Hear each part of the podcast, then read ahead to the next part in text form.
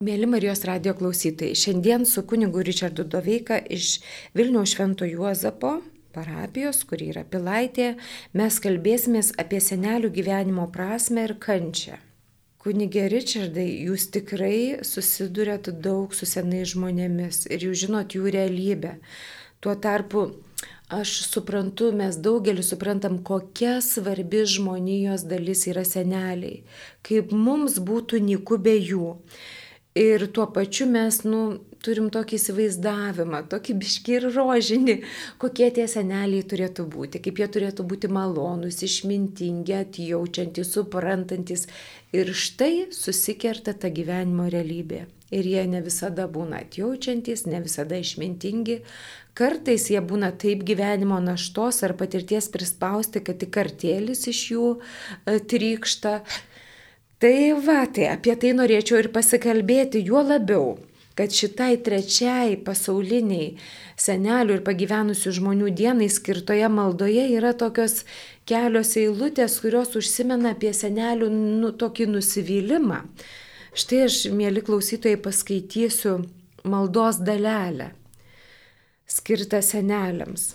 Marija, tvirtumo motina, tu pažįsti mano širdį, neleisk man nusivilti Su pasitikėjimu atiduodu savo gyvenimą į tavo rankas. Gydyk mano žaizdas, tavo švelnumas te lydi mane kelyje. Tikrai labai iškalbingi žodžiai ir tokie atveriantys realybę, kurią gal ne visada norisi matyti, o juo labiau su jie susidurti pamačius. Tai aš noriu jūsų paklausti, kaip jūs bendraudami su seneliais, su pagyvenusiais žmonėmis matot jų kančią, iš kur ji kyla, apie ką ji yra. Visa laida bus apie tai, kaip tą kančią nupalengvinti, bet dabar gal galit pasakyti, koks jums vaizdas. Mėly Marijos radio klausytojai, mėla Violeta, labai džiugiuosi, kad čia Lietuvo šeimos centras būtent tą gražią tarnystę šiai trečiai pasauliniai senelių ir pagyvenusių žmonių dienai atliekate, kalbėdami, diskutuodami, atkreipdami tą dėmesį. Visuomet, kai aš asmeniškai pažvelgiu į senelį, manau, kad čia susitinka dvi tikrovės. Mūsų žvilgsnis į juos ir jų savęs supratimas ir savivoka ten, kur jie yra. E, senatvė apskritai kaip toks reiškinys yra pakankamai įdomus. Kas yra senatvė? Ar tai, kad mūsų kūnas įgauna visai kitas formas, jisai sulėtėja, Taip. savotiškai nyksta, bet mūsų mąstymas, mūsų požiūris, mūsų, mūsų vidiniai poreikiai kiek mes šiandien girdime žmonių, net ir iš savo jaunesnės kartos, kad aš nesenstu, mano tik tai amžius amžėja, jaunystė amžėja. Tai šiandien sakyti, kad turime senus žmonės, ne, mes turime visus jaunus, tik tai jų jų gyvenimai amžėja. Mes šiandien sustinkam su tokiu reiškiniu, kurie priema labai gražiai ir oriai savo senatvę ir didžiuojasi pražilusiais plaukais, raukšlėtomis rankomis ir gyvenimo patirtimi išvagotais veidais ir mes matome dalį žmonių, kaip to desperatiškai vengia ir bėga nuo to. Tai visa plastinė chirurgija, visi, visi visa dažų industrija ir tuo pačiu net, net žodynas. Aš nesenelis, aš senjoras. Ir va šiandieną senjorų reiškinys irgi jisai savotiškai tam tikrą prasme tam žmogui tarsi ir nukelia jo senėjimą, bet tuo pačiu iš anūkų atima didžiausią svajonę - turėti senelį ir močiutę. Aš tikrai nenorėčiau turėti senjoro ir senjorės. Aš ir galvoju, kaip mano vaikai kreiptųsi močiutė senjorė, tikrai kažkaip keistai skamba, nes tikrai ta močiutė, tas senelis, tokie brangiausi žmonės, tengi terlinom rankom apkabinami, išbučiuojami, jie ten geria tą kavą arbatą, smėlį, Nu, ta prasme, tai toks artimas jo, ryšys. Tai yra tie, kurie iš tikrųjų tave myli labiausiai. Taip. Myli už nieką. Taip. Nes gal ir kitas toks pasakymas yra, kad savo vaikus turi užauginti, o anukus gali auklėti, gali mylėti. Tai va irgi tam tikrą prasme turbūt, kad ta vyresnioji karta, senelio karta, jinai du kartus patiria savo tėvystę ir motinystę.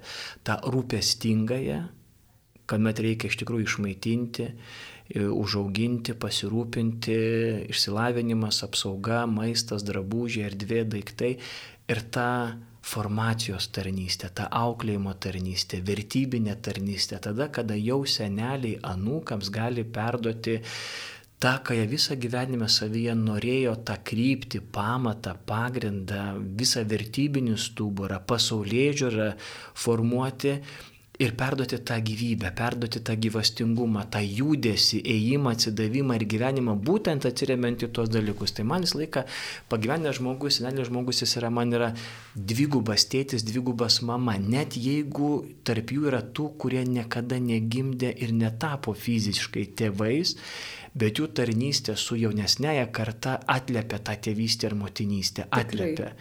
Nes ir tai nėra skambų žodžiai, tai manau, kad visų mūsų realybė ir kasdienybė patiriamos patirtis.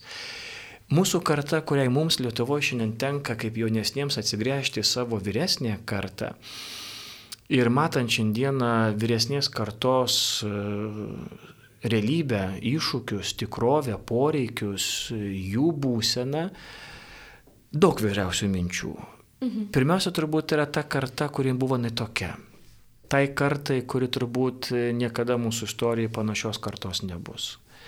Ypatingai seneliai, prosneliai, kuriuos mes dar turime, kurie pamažu, bet tai pakankamai su pagridžiu mus palieka ir persikelia į Dievo anapusinės tikrovės patirtį yra kaip tos smėlio smiltis, kurios mums labai greitai byra iš rankų. Ir bet, bet mes dėl to turime tos delnus sutelkti, kad įsižiūrėtume, kas yra mūsų delnuose. Mes turim unikalią savo istorijos tiesą, unikalią. Tai žmonės, kurie buvo iš tikrųjų tvirto tikėjimo ne tik religinio tikėjimo, bet vertybinio, gyvenimiško, bendražmogiško, e, tautinio, kultūrinio, kalbinio, apskritai buvo tvirto tikėjimo žmonės. Taip. Nes tas tvirtas tikėjimas jiems iš tikrųjų leido priimti jų jaunystėj visus tektus išbandymus. Nes kai buvo karas, jie buvo jauni. Kai ešalonai važiavo į Sibirą, jie, jie buvo, buvo jauni. jauni. Kai buvo persikėjimas, jie buvo jauni, su mažais vaikais ant rankų. Kai buvo badas, jie buvo patys vaikai pokarė arba jauni, kurie tą patyrė kurie sėmėsi tam tikros tarnystės ir pagalbos iš savo tėvų ir senelių, kurie dar iš gilesnės Lietuvos istorijos, tikrovės, realybės ir, ir patirties atėjo į jų gyvenimus. Ir jiems kaip tuo metu jaunai kartai būtent teko tokia realybė.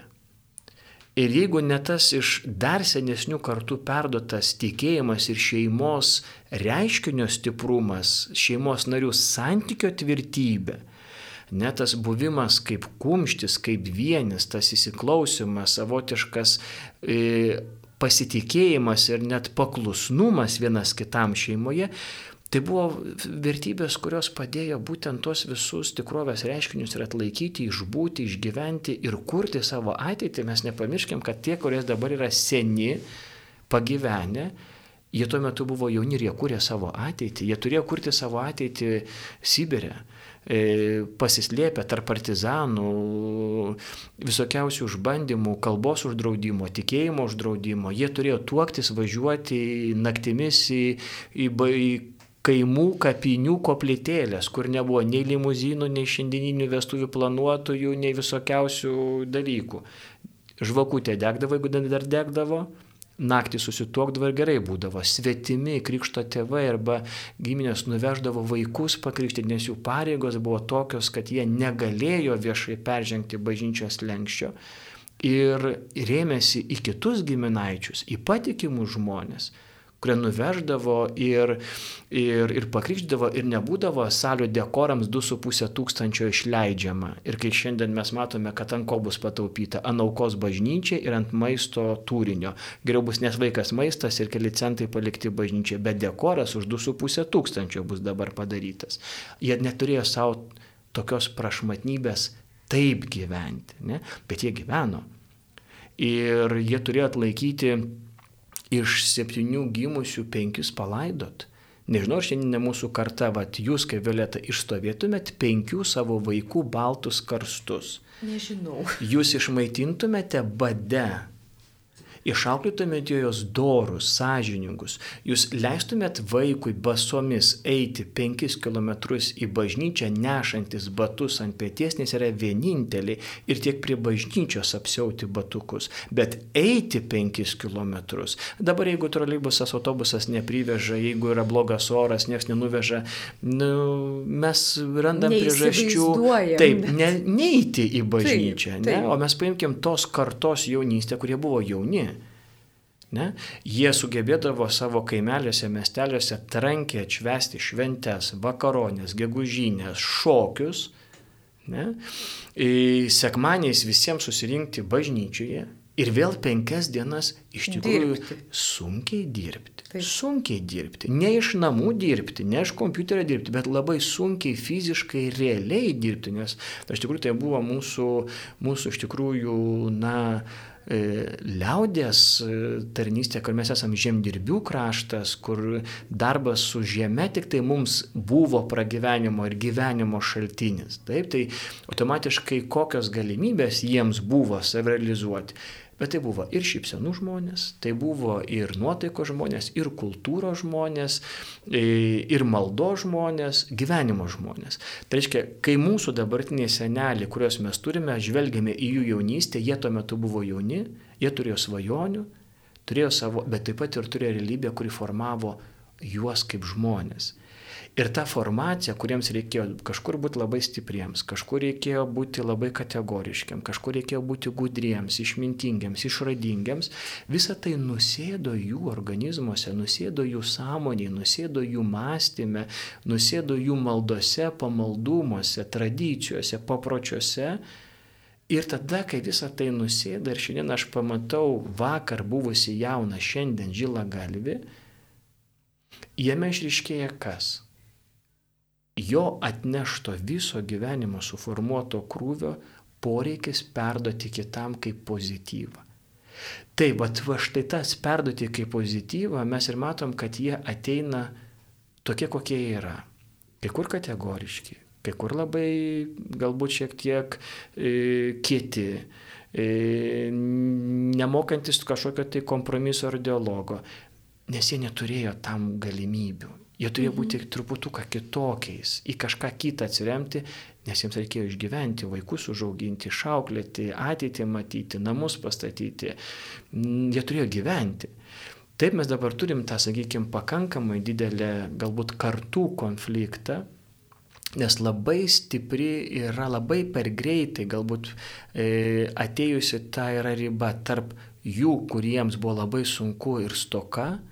Ir, ir po, po sovietinės patirties ir per 30 nepriklausomybės metų mes labai greitai perėjom į perteklių, į Taip. turėjimą, bet ko šiandieną mes nesugebėjome, kur šiandieninė mūsų jaunoji karta, kurie mes busim rytojaus seneliai, taip pat ateinam su tam tikrom problemom ir kai mes busim seni, mes atnešim visai kitas problemas savo vaikams. Mes atnešim individualizmą, susvetimėjimą, galbūt poreikį to turėjimo, už, užgniauštų saujų, e, pasirūpinto savo gyvenimo, sutvarkyto gyvenimo, sustiguotų pareigų, profesijų ir visų kitų dalykų, mes busim per daug laisvi, mes busim per daug akcentuojantys savo teisės, mes jau dabar matome, ne, po mirties mane sukremuokit ir išbarstykit pelenus. E, taip gal bus mūsų karta, kuri bus lengviau, mes išeisim iš vaikų namų ir mums, gal, mūsų gal kartai bus lengviau gyventi senelių namuose, e, turėti atskirai gyventi nuo vaikų ir mes turėsim savus iššūkius, savus, savus pliusus, bet turėsim labai daug minusų ir mes tikrai busim didelis galvos skausmas kai mes dabar jauni pasensim, savo vaikams, kurie mūsų senesnius turės nukaršinti ir prižiūrėti. Jūs ką tik pasakėte tokį paguodo sakinį visiems, kuriems dabar yra sunku su seneliais dėl objektyvių ar subjektyvių priežasčių, kad mes irgi būsime didelis galvos skausmas savo vaikams, anūkam gal ne. Bet tai yra labai nu, gera suvokti, kad ne mes pirmie atvykstame į tą vietą. Prieš mus buvo daugybė žmonių, kurie jau buvo ten, kur mes dar tik einame.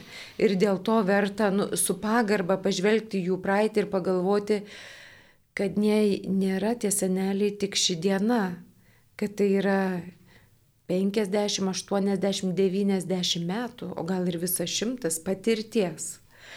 Ir dabar jūs labai paminėjot, va, tą, su kuo jie turėjo susidurti ir kas gali būti tikrai tokio, ar tvirtumo, ar kitą kartą kietumo, ar kitą kartą, nu, negebėjimo ten derintis, dėrėtis, nu, tikrai senas žmogus, nu, nėra tas, kuris tikrai nuostabiausiai prisiderins. Tai yra, aš manau, tikrai normalu, ne pagal amžiaus tarpsnį net. Bet dabar, jeigu jūs...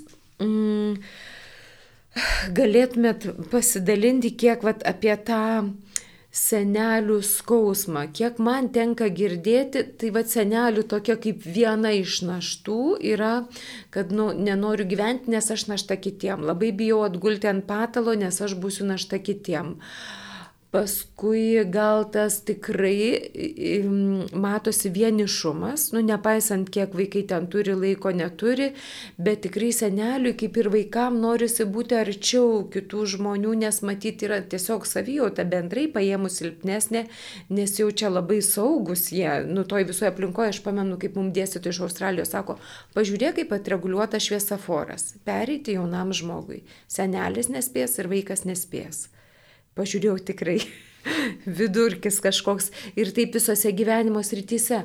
O kaip jūs matote, nu, va, kai bendraujate su seneliais, kuo, kas jiem yra sunkiausia gal?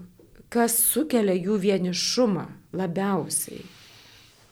Manau, kad šiandien, kuriuos mes senelius turime, jie atneša labai vieną gilę savyje esančią savybę. Labai gilų atsakomybės jausmą. Ir va ta atsakomybė, kur yra mano rankose, mano sprendimuose, nes aplinka buvo tokia, gyvenimo tikrovė tai pareikalavo ir jie su šito atsakomybės giliu jausmu ateina į savo senatvę, kur reikėdavo viską sužiūrėti, sustiguoti, sukontroliuoti, nes buvo tokie laikai. Ir dabar tas pokytis, kuris tampa iššūkiu senam žmogui, yra labai didelis ir sudėtingas. Sudėtinga supranti supratimė, kad aš dabar galiu jau nustoti panaudoti šitai suformuotą savybę, jos nereikia išsižadėti, jos nereikia išsioperuoti, jos negali paneigti. Tiesiog tu ją gali pripažindamas nebeaktyvuoti kas yra irgi labai sudėtingas, tas vadinamas senėjimo menas arba kaip išgyventi savo senatvę, kur mes turim knygų ir lietuvių kalba, ir, ir, per, ir net ir bažnytinės bendruomenės, ta veikla, į kurią įtraukia seneliai sen, ir vyresniamžiaus žmonės yra įtraukiami, iš to atsakomybės muštro pereiti į gyvenimo vaisių skanavimo etapą, kada truputuką turi paleisti, suprasdamas, kad kitas, kita karta, kuri turės savo kitus iššūkius, kitas problemas, kitus džiaugsmus, kitus išbandymus, jeigu jie bus protingi ir atsirems į tavo pavyzdį, jie atras savo modelį, kažkur tai savo tvirtumą arba savo silpnybės, problemas ir skaudulius. Ir kad aš tiesiog esu reikalingas ne tik tai visą gyvenimą sutvarkyti gyvenimus, Bet yra momentas, kada aš turiu pereiti į palydėjimą gyvenimo. Ir čia Dievo motina tampa labai nuostabiu pavyzdžiu. Kai jinai reikia, jinai yra džiaugsmo motina. Kai jinai reikia, tampa supulingąją motiną. Kai reikia, tampa skausmų motina. Kai reikia, tampa vilties motina ir tampa bažnyčios motina, sėkminių motina, paštalavimo motina. Bet Marija nepakeitė save, savo kūno ant, vietoj Kristaus ant kryžiaus. Marija neperėjo savo sunaus misijos veiksmų ir darbų. Ir neuždraudė Jėzui. Ir neuždraudė daryt, ką Jėzui. Jisai darė, o darė. galėjo. Galėjo ir, ir, taip pat, ir taip pat jinai į nepuolė visiems kitiems aiškinti, kad jūs klystantis, nes mano vaikas tai gerai daro, jinai tikrai, nu, nežinau, turbūt nei, nei šventas raštas, nei apokrifinės evangelijos, nei bažnyčios tradicija neminė, kad Marija kažkam akiplėšiškai drąsiai akis arba įraudinėjusi kurti savo moterų frakciją už savo vaiko gyvenimo sėkmę kovojanti. Ne jinai sugebėjo būti palydinti, esanti ir tiesiog dalyvaujanti vaiko gyvenime, jeigu reikia, jinai džiaugiasi, jeigu reikia, sako, žiūrėk vaikeli, yra reikalai. Ir ką pasakė? Ne Kristus sakė, tu dabar keisk vandenį į vyną, bet pasakė tarnams, klausykite, ką jis jums lieps. Aš jau savo padariau, aš atkreipiau savo snaus dėmesį, yra rūpestis, bet jinai nebesikiša. Ir pasako tarnams, jūs klausykit, ką jisai, ką sunus pasakys, aš jau viskas. Ne, lygiai taip. Jie antrą planą. Jinai, jinai net nenuėjo antrą planą, jinai tiesiog labai puikiai įvykdė savo pirmąjį planą. Jis tiesiog buvo motina. Mhm. Visuomet išliko motina. Jis turėjo, buvo motina, kuri buvo reikalingas kartu su Juozapu. Rūpestis, e, tremtis, gaudimas, bėgimas, pabėgo ieškojimas, mhm. gaudimas, auklėjimas, visa mhm. kita. Ir paskui netoliau savo motinystę išgyvena visiškai kitame etape patekus jo sūnų. Jis nenustojo būti motina nei į pirmą planą, nei į antrą planą, nei į trečią, nei į šešėlį. Jis tiesiog visuose Jėzaus gyvenimo etapuose išliko motina. Samoninga, dėmesinga, atsiliepianti, bet esanti. Kur mama yra vaiko tikros, autentiškos laisvės šaltinis ir versmė. Mama ir tėtis kurie liūdija, perdoda ir moko vaiką, nes iš tikrųjų tėvų užduotis nenugyventi gyvenimą už vaikus, bet išmokyti vaikus gyventi taip dorai, sąžiningai, tvarkingai, kai jų nebus, kai nebus tėvų. Čia turbūt yra pati didžiausia va ta kartos perdavimas kitai kartai tos gyvybės, vilties ir viso gyvenimo estafetės ir dovanos, kad mano pareiga išmokyti vaikus gyventi tada, kada manęs nebebus. Kunigė Ričardai, bet žiūrėkit, nu, geruoju atveju tai pavyksta tiem tėvam, bloguoju atveju ima ir nepavyksta, nu mes tikrai nesame visi tobuli, arba ten iš dalies pavyksta, iš dalies ne. Ir įsivaizduojat, ateina laikas, kai tu matai, kad tavo vaikui šeimoje konfliktai, matai dar kažkokius dalykus, jau anūkai yra ir taip norisi pareguliuoti, sustygo, taip matai, kad jie pro šalį daro, tavo galva jį man atrodo būtų va taip teisinga, pasakai, supyksta baisiausiai, pasakai dar kartą, nes galvo gal negirdėjo, gal nesuprato ir vėl ir atsivelia vietoj to, kad būtų toks vienas konfliktas su tuoktiniu, atsiranda dar su tuoktiniu va, vaikų ir tėvų konfliktas, gal net ir anūkam kažkas persiduoda ir užsivelia toksai momentas, toks konfliktas, kur ką daryti, vat, sakykime, nu ne visai sėkmingai pavyko, kaip norėjai, va tas vaiko auklėjimas, ūkdymas ir jisai gyvena ne taip, ar truputį, ar labai daug. Tada aš suprantu, kad seneliai, va tie tėvai labai kenčia. Bet dabar ką jie aktyviai gali padaryti, jeigu jų pasakymas, uh, gal labai išmintingas, gal nelabai išmintingas, nu, sukelia dar daugiau problemų, nu, prasideda tas kamulio didelis rėdėjimas. Kaip Jūs matot? Nu, kad kiekvienas senelis jis atsineša savo charakterį, savo, savo temperamentą, savo na, vertybinį stuburą. Taip, tai yra didžiulė užduotis, sakau, išgyventi autentiškai savo senatvę yra didžiulė užduotis. Tai yra užduotis, kuri nėra pati savaime įvykstanti, bet kuriai reikia visuomet savo dėmesingumo ir samoningumo. Tai reiškia branda, žmogiškai branda, santykių branda nėra pavaldi tavo laikmečių, kurį tu išgyveni. Ir va ta branda, kurią kartais mūsų vyresnioji karta padeda tašką, kad aš dabar esu senas, vyresnis ir tu privalai manęs klausyti ir taip, kaip aš pasakysiu, nefunkcionuoja. Ir ypač, o tada jaunimas atsiliepia su tokiu nerimu, kiek aš matau, vad sužadėtinius, jie sako, bet tai reikia gerbti tėvą ir motiną. Ir jie supranta, kad lyg klausyti, nes neklausai tada blogai. Dialogas ir gebėjimas išklausyti pagarba yra, yra pagrindas.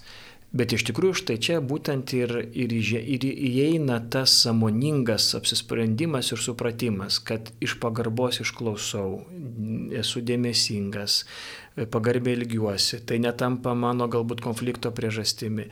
Bet taip pat aš padarau tos sprendimus, kuriuos matau, kad reikalinga man šiandien padaryti ir jie bus geriausi sprendimai, net nebijant, kad už tai būsiu nesuprastas, kad kažkas užpyks, įsižeis ar liūdės. Mūsų šeimos santykiai nėra paslaugų santykiai, bet yra iš pagarbos kylančių sprendimų santykiai. Ir vaikai turi iš savo tėvų išmokti, kaip reikia ir kaip nereikia. Ir laimingi vaikai, kurie iš savų, o ne iš svetimų tai išmoksta. Net kaip nereikia būti užsispyrusiems ar kategoriškiams, kaip mūsų kartais būna seneliai, e, kurie žiūri vien tik tai tradicijos, bet jau nebet kartais net yra pametę turinį ir esmę. Arba tai, kad yra užrakinę tam tikras tradicijas ir atimę gyvybę ir, ir evoliuciją, arba tam tikrą gyvastį, kad gali keistis papročiai, keistis tradicijos bažnyčios formos keistis, bet turinys išlieka tas pats - maldos turinys, pagarbos, santykio šeimos, bažnyčios tikėjimo, pamaldumo, bet gali šiandien būti kitos formos, nes jie taip pat, kai buvo jauni, paveldėję iš savo prosenių, iš mūsų jau prosenių tam taip. tikrus dalykus, jie juos taip pat suaktualino ir pavertė savo laikmečio kalba. Ir taip pat turėjo savo konfliktą. Žujas Keitė kažką, ne? galvojat, keitė, garantuotai. Taip, aišku, kad keitė, aišku, kad keitė. Ypatingai sovietmetis iš vis, iš vis perkeitė viską. Ir mes Taip. matom, kiek yra aukų ir kiek yra netepčių, bet kiek yra, kiek yra išsaugotų ir tvirtų dalykų. Tai kiekviena karta jinai turi perimti tą, tą stafetę, kažką nešti naujo, nes, nes tai yra civilizacija. Tai yra tai, ką krikščionybė atnešė į šitą pasaulį. Tai atnešė civilizaciją, atnešė e, esminius dalykus, kur forma gali būti įvairi, bet turinys išlieka. Tai kiekvienam iš mūsų senelių dėka ta didžioji užduotis aš liūdiju, aš pasakau, bet taip pat irgi neturiu teisės, nesvarbu, aš negaliu spekuliuoti savo senatvę arba savo sukauptų bagažų ir tą spekulaciją laikyti kaip kortą visus ant blakstienų ir spekuliuoti savo padėtim. Irgi ne. Tai irgi nedrįšiu sakyti ir neveiks, ir nekrikščioniška spekuliuoti, spekuliuoti savo senatvę, spekuliuoti savo patirtim, spekuliuoti, ar tai aš būčiau kunigas su savo pamaldumu, ar mano tėvai su savo gyvenimo patirtim, ar seneliai praėję Sibirus karus badus. Na, mes turime štai šitą pagundą spekuliuoti ir tai pastatyti kaip konstantą, kad dabar visi turi tai gerbti ir tam paklūs, nes tai buvo mano patirtis, nesuveiks. Dėl to vat, ir būtent tas vat, vyresnių žmonių gebėjimas priimti savo senatvę, štai čia matau didžiulę pagalbą, ką visuomenė mes darome. Nuo kokio spektro? Trečio amžiaus universitetas, Taip. kuris visą gyvenimą dar kartą primena savišvieta, augimas, judėjimas, sąmonė, nesustabarėti, nesustink, nesustot, neatsisakyti savo gyvenimo, neatsisakyti judesio, atradimų, naujumų, naujienų, tai reiškia į save išlaisvinti iš tos, iš tos konstantos, aš senas ir taškas, aš geriau žinau. Ne? Tai va tam patarnauja šitie dalykai. Parapinės bendruomenės, parapijoje vykstančios e, veiklos, e, sakramentinis gyvenimas, liturginis gyvenimas, bažnytinis gyvenimas tave būtent taip pat išlaisvina tam, kad tu išlaikytum samoningą tarnystės toliau santyki, bet šiandieninio poreikio tarnystės, maldos, užtarimo, e, pabuvimo kartu, tam tikro tiesiog solidarumo savo vaikų ar anūkų gyvenimo džiaugsmuose, rūpešiuose, moderniškume ar problemuose, suklopimuose ir nuodėmėse. Ir būtent tai pasitarnauja visa religinė aplinka tapti, kaip ir Marija, bendra keleiviais Kai reikia seneliai pagodžia, kai reikia jie galbūt ir sudrausmina, kai reikia jie užtaria, meldžiasi. Bet ko tarp šitų dviejų vyresnės ir jaunesnės kartos nevyksta. Taip man iš tas pavyzdys iš karto, kai apaštalai po Kristaus prisikėlimo susitinka, e, Kristus jiems pasirodo, Tomo kartu nėra ir Tomas sako, aš netikėsiu, kol nepridėsiu, kad jisai mhm. Jie turėjo teisę visi supykti. 11, ten 10 aiškina, kad mes matėme. Marija autoritetas aiškina buvo, Tomas sako, ne, nu aš nepamatysiu. Jie konfliktavo, jie galbūt ten įrodinėjo, karščiai galbūt ginčijosi, galbūt rankomis musikavo ten durimis trankėmis. Bet ko abi pusės nepadarė. Ko? Tomas nuo jų nepasišalino, mhm. o visi likę dešimt jo neatstumė. Man taip smagu girdėti, kad apaštalai buvo tokie, nu kaip ir mes, pasiginčijo, e, gal ir apsipyko, Bet jie neišsiskirstė. Ir neišsižadėjo, neatstumė, neišsiskirstė. Ir Esmės jie, nepametė. Taip, jie išliko kartu, skirtingi, kitoniški su savo laikysenom, pozicijom, požiūrim ir patirtimi išliko kartu. Nes kas juos vienė, Jėzaus asmo.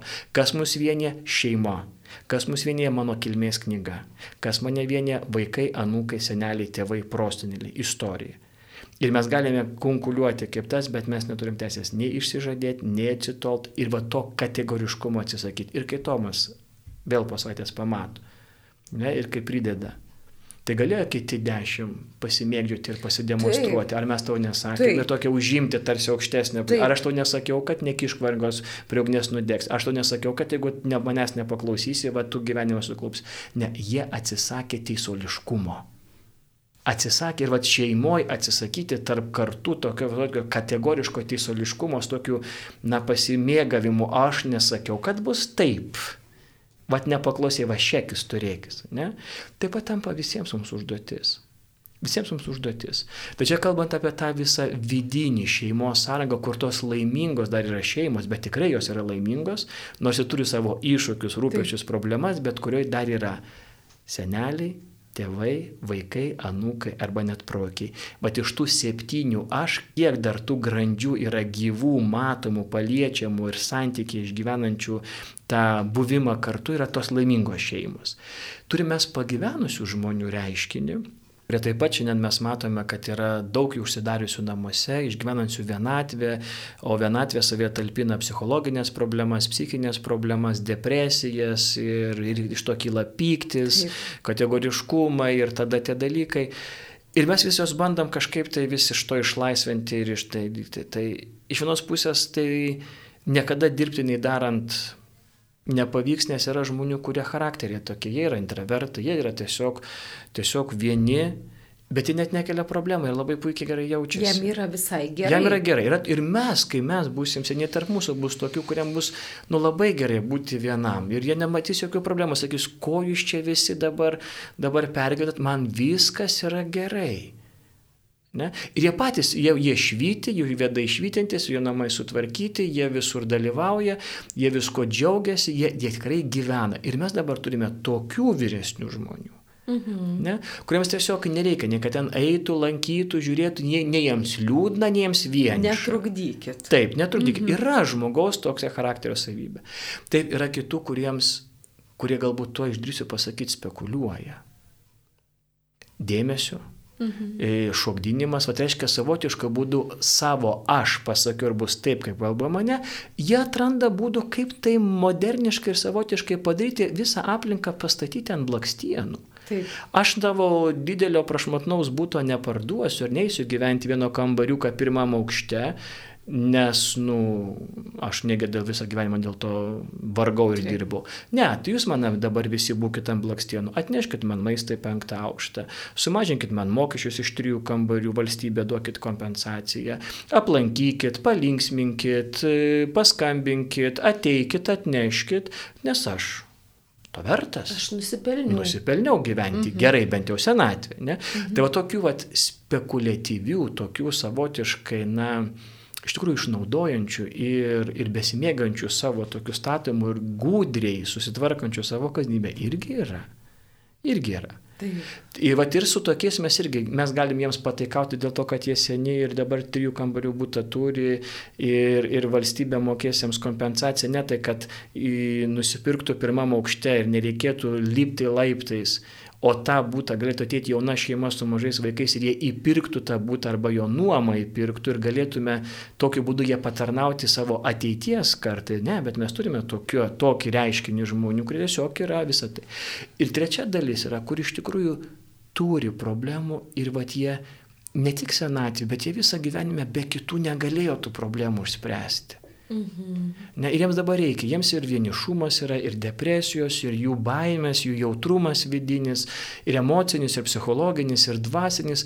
Tai vad tokiems žmonėms, vad visų mūsų tarnystė, civilinė tarnystė, religinė tarnystė, parapinė tarnystė ir yra tas veiklos laukas, kai mes turime tikrai atpažinti štai tokius žmonės, juos pakviesti, juos paraginti, padrasinti, pabūti su jais.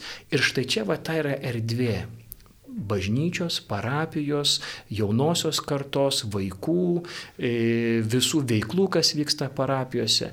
Nes Aš matyčiau, vat, būtent tuos tris pagrindinius segmentus, taip jau labai koncentruotai sudėjus, nes tų taip. pogrupių turbūt mes atrastume šimtus ir mhm. tūkstančius, bet va tie trys momentai, ne, kur mūsų ir atsiliepimas yra atpažinti atrasti, atsiliepti. Kai kur taip, griežtai galbūt net ir pasakyti auklėti ir nepaski, ne, neatsiduoti į pastus paspestus, kai kur gerbti ir nelysti, nes dėl to, kad iš tikrųjų ten reikalingas tavo dialogas, o ne įsikišimas. Taip. O kai kur taip, kai kur reikia labai švelnaus, kaip popiežius Pranciškus sako, labai švelnaus įėjimo ir labai kūrybiškai, neįžeidžiant to žmogaus, bet atliepiant to žmogaus poreikius, veikimo ir elgsenos to žmogaus atžvilgiu. Mėly Marijos radio klausytojai, šiandien aktualių laidoje mes kalbamės apie senelių gyvenimo prasme ir kančią. E, kalbamės tą progą, kad artėja trečioji pasaulinė senelių ir pagyvenusių žmonių diena. Labai džiaugiuosi, kad galiu kalbinti kuniga Richardą Doveiką iš Vilniaus Pilaitės Švento Juozapo parapijos. Mes aptarėm keletą labai svarbių dalykų, kad seneliai nėra tik ši diena kad seneliai savyje talpina nu didžiulę patirtį ir tos patirties pasiekoj jie yra labai įvairūs. Vieni yra gana konstruktyvūs, susitvarkantis, gal labiau nori bendravimo, gal net visai jo nenori ir jiem viskas yra gerai. Kiti yra tokie gal ir šokdintojai, kurie galvoja, kad jie vis dar turi valdyti turi e, kontroliuoti ir savo gyvenimą, ir artimiausių žmonių gyvenimus, nuo ko nei jiem, nei tiem artimiausiam nebūna geriau. Ir trečioji grupė, va taip jau labai stambiai skirstant senelių, kuriem tikrai reikia pagalbos ir gal ir nedrasų truputį ir nesmagu, o gal visai nieko. Ir mums labai svarbu atliepti tuos senelius. Taip pat mes kalbėjom apie tai, kad nu, tas senelių galimas kietumas, ne tik tvirtumas, bet ir kietumas gali kilti iš tokios didelės atsakomybės, kuri guliant jų pečių tikrai labai stipriai jų jaunystės laikais. Ir Kalbėjome apie tai, kad labai svarbu dialogas su seneliais ir senelių su jaunimu ir jaunimo su seneliais, kad abi pusės galėtų išgirsti esminius dalykus, pagarbėltis, bet sprendimus priimti ne tokio klusnumo vergiško dvasioje, bet vis tik išminties dvasioje. Ir dabar, kunigė Ričardai, aš noriu jūsų paklausyti dar vieną dalyką.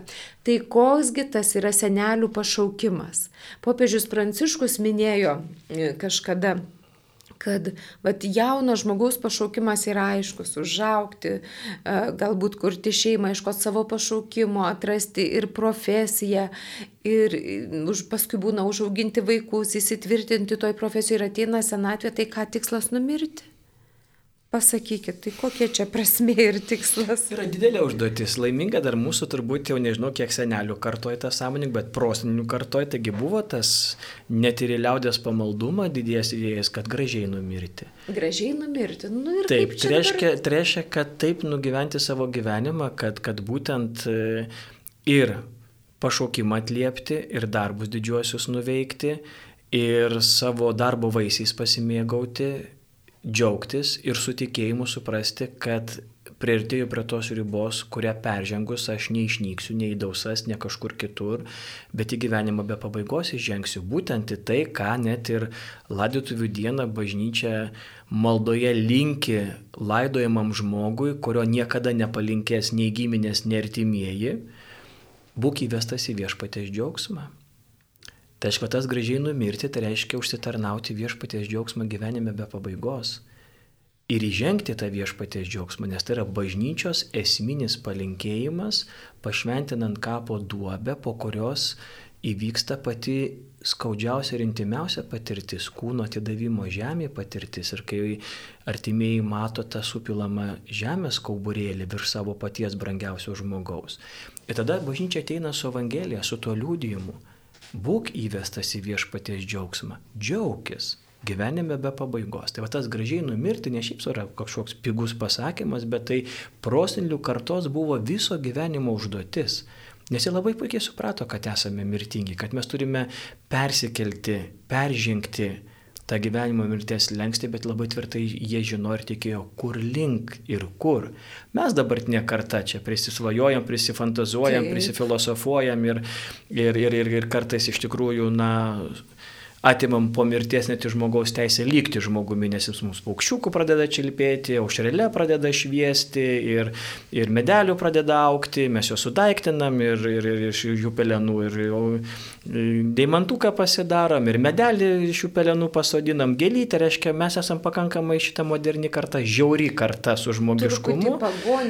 Ne tik, kad pagoniška, bet apskritai ir žiauri, nes mes iš mirusio žmogaus atimam apskritai teisę būti žmogumi ir išlikti žmogumi. Mums patinka jį turėti daiktų. Kabančių, augančių, žydinčių, čiulbančių, bet tik nebe žmogum. Na tai turbūt yra mūsų mm, kartos problema, kurias mes turėsime ieškoti atsakymus ir išspręsti tas, Tikrai. tas mūsų, mūsų epochos problemas. Bet va ta būtent viso gyvenimo tikslas, kur žmogaus savo gyvenime jisai pamato, kad jo gyvenimas tai yra jo istorija ir ta istorija suformavo jį, jo kūną, jo kūno E, išvaizdą, į jo sąmonę, jo žvilgsnį. Ir iš tikrųjų pasiekti senatvę, tai, tai kilniai gyventi. Žiūrėkit, šventam rašte sulaukti ilgamžius reiškia kilniai gyventi. Ne? Tai iš tikrųjų senatvė yra palaiminimas. E, nes e, aš eliminuoju žodį lyga, nes e, nenoriu stapatinti, kad senas žmogus automatiškai yra lyga. Nebūtinai. Senatvė nėra lyga. Šiandien mes matome vaikus, mes matome jaunus žmonės, mes matome, kad lyga amžiaus nesirenka. Ir kad, žinai, mes sakome, o kažkadagi tokiam lygom sirgdavo tik pagyvenę žmonės, Taip. o dabar žiūrėk, jau jaunoji karta tomis lygomis jau yra e, priliesta. Taigi senatvė nėra lyga, senatvė nėra prakeikimas, senatvė nėra nelaimė, senatvė nėra nurašymas. Sulaukti senatvės tai kilniai gyventi, švento rašto išmintis. Tai reiškia, sulaukti senatvės, tai tu antiek esi palaimintas, kad tu gali matyti savo gyvenimą ir pamatyti, ką tu paruošiai ateičiai ir kas tavo gyvenimu pasinaudos ateityje, ne tavo daiktais, ne tavo palikimais, bet tavo žmogiškumu visų savimi. Tai, taigi senatvė iš tikrųjų yra didelė dovana, didelė malonė.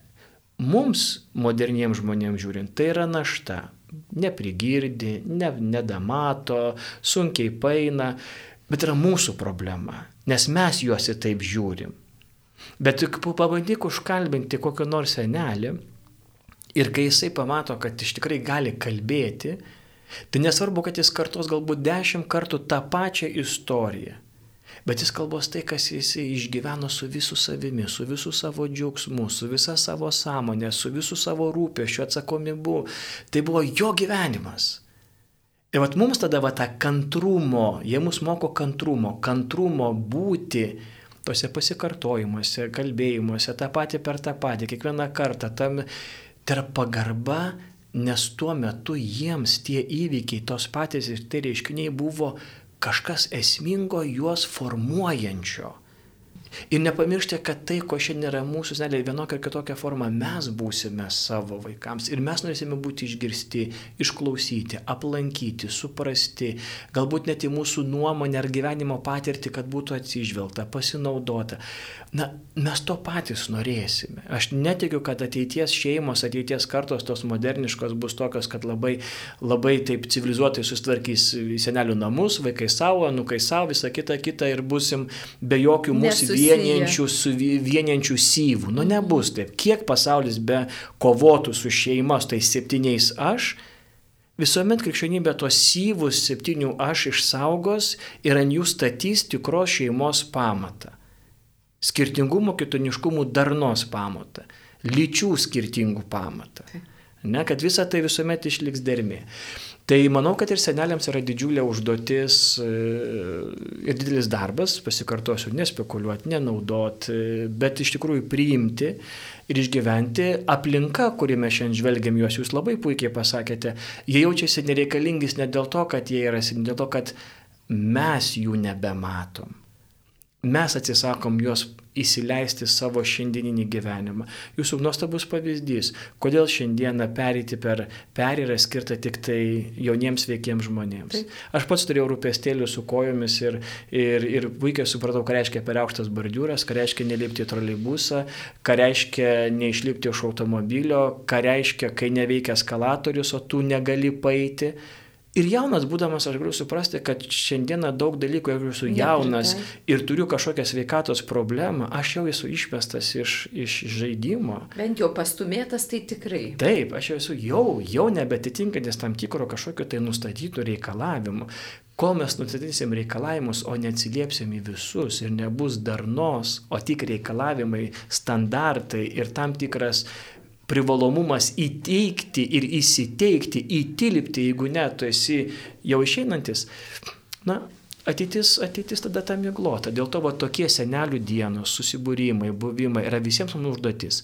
Seneliams atrasti save ir savo senatvę, išlipti iš kaprizų ir suprasti savo dovaną, jaunai kartai atrasti juose išminti, stiprybę, pamoką ir tuo pačiu nepamiršti, kad rytoj mes būsim savo anūkams ir pronukiams to, ko šiandien mums yra tėvai, seneliai ir proseneliai.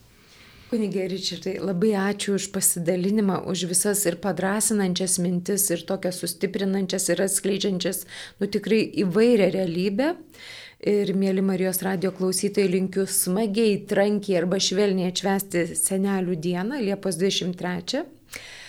Ir atsisveikinu su jumis, laidą vedė Violeta Vitkauskinė iš Lietuvo šeimos centro. Sudie. Sudie visiems.